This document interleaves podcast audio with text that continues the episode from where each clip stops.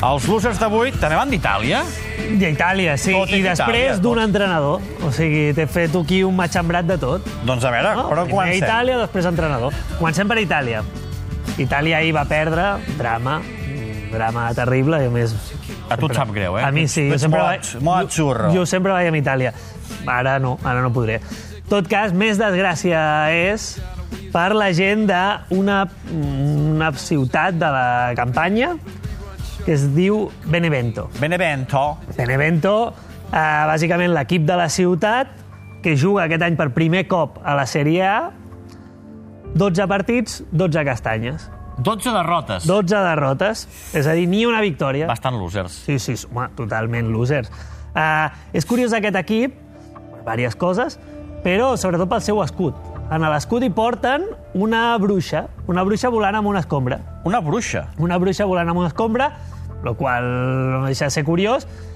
No els està ajudant gaire, això és evident. A més aviat els hi han fotut dos veles negres perquè, perquè estan palmant-ho tot. Han fulminat el rècord que tenia el Venècia any 49-50. Ells porten 12 derrotes consecutives, el Venècia va fer 8, és a dir, l'han arrasat, Home. aquest rècord. Uh, però és que a més porten 31 gols en contra i només 5 a favor, és a dir, per cada gol que foten 6 castanyes cap a dins. Uh, No pinta bé, això, eh? no, i és el pitjor equip, evidentment, de les lligues europees.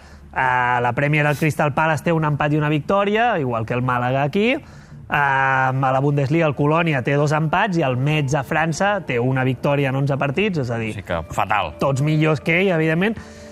S'ha de dir que aquest, eh, aquesta marca el situa al nivell d'un gran, del Manchester United. Ah, sí? És a dir, Benavente i Manchester United estan allà ja. Quan? Perquè el United, a la 30-31, estem parlant de fa 30-31. uns anyets, eh? Uh, van, fer 12, van perdre els 12 primers partits, és igual, igual que el Benevento.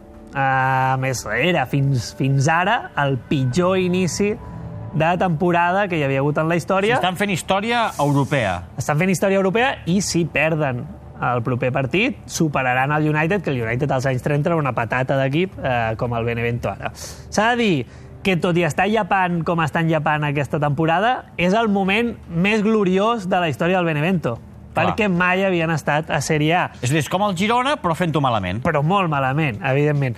Fa dos anys estaven a Sèrie C, és a dir, a la tercera Segona divisió, a segona B, um, i dels seus 88 anys s'han passat la majoria allò pringant a divisions interiors, uh, inferiors, però què va passar?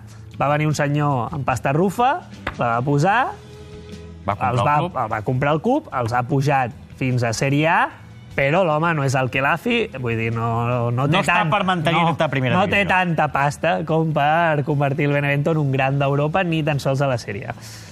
Solució que li proposa el Benevento. Ah, és, o sigui, secció proposta. Clar, i els senyors de Benevento, Signori Benevento. Signori, una soluzione per te. Eh, per voi. Per voi, per qui sigui. Eh, aquest rècord, perquè no arribeu al de les 13, hi ha una manera que és agafar un, un mític jugador italià, Salvatore Toto Schilacci. Recordes Schilacci? Sí, però agafar-lo per què? Perquè Schilacci, l'any passat, amb els seus 52 tacos, va aconseguir que un equip, un equip de merda, el Crotxeta... Home, però no parlis així. Crotxeta, un equip de merda de la tercera divisió que havia perdut 21 partits, va agafar a Esquilacci i va aconseguir trencar aquesta ratxa tan horrible d'haver perdut tots els partits de Van la Lliga. fitxar Esquilatxi amb 50 i Bueno, anys. Esquilacci bàsicament es va presentar ja. Primer va fer-li mig d'entrenador, però al final es va acabar vestint de cura. Amb 52 tacos va aconseguir que aquesta gent primer empatessin un partit i després fins i tot en guanyessin un Home, altre. però Esquilatxi igual no està per jugar a primera divisió.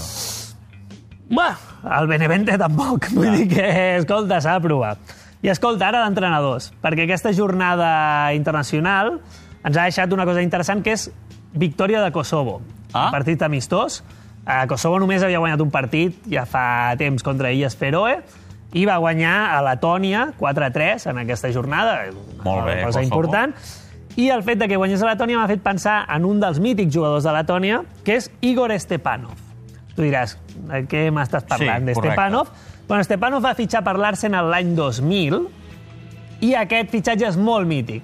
Curiosament, s'ha descobert a la biografia de Ray Parlour, que és un exmigcampista de l'Arsenal, que va estar ja molts anys al club londinenc, que explica com es va produir aquest fitxatge. Resulta que quan fitxa Stepanov, que és central, l'Arsenal tenia els dos centrals titulars, que eren Tony Adams i Martin Keown. Toni Adams és aquell senyor que va fitxar pel Granada l'any passat, que feia aquells Ah, exacte. com de la Macarena. Correcte, el que va ser entrenador del Granada, sí senyor. Bé, es veu que Tony Adams era un tio, bueno, un fiestero, un dia podríem parlar de Tony Adams, ah, s'ho bevia tot. Però l'altre, Martin Cohn, era un ratllat de la vida. Era un home... Bueno, que... Trist. Bueno, només que trist, posava molt nerviós si veia que algú li podia, li podia prendre el lloc. Ja. Vale? Si veia que algun jugador hòstia, li podia fotre el lloc, eh, es posava molt nerviós, molt. Total, que a pretemporada l'Arsenal va agafar Stepanov i el va tenir a prova, un entrenament. I Bergkamp, Parlour i els jugadors de l'Arsenal va dir eh, anem a putejar el Martin. Eh, quan el xaval aquest jugui, diem que és molt bo. Si cada cosa que faci, diem que ho està fent molt bé. Total, que Stepanov va fer que va fer un, enterra... un entrenament terrible, terrible. Dolent. Però, bueno, com, Doug... o sigui, com si estigués Douglas, ¿vale? horrible. Però cada cosa que feia, Parlour, Bergkamp i tal, deien, hòstia, que bo és el xaval aquest, hòstia, que bé ho està fent. Que ara que ho fes fatal, eh? Hòstia, molt bo, molt bo, tal, oh, mira, oh, té molt futur, no sé què.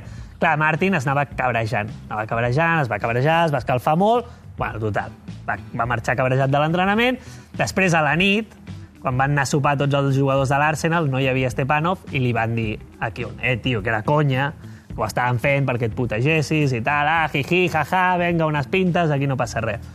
L'endemà van a l'entrenament, arriba Parlor al vestidor i es troba Stepanov allà assegut. Hòstia, què passa amb aquest tio? Eh, pregunta. Què passa? No, ha firmat per 4 anys. No, però Com? si és molt dolent.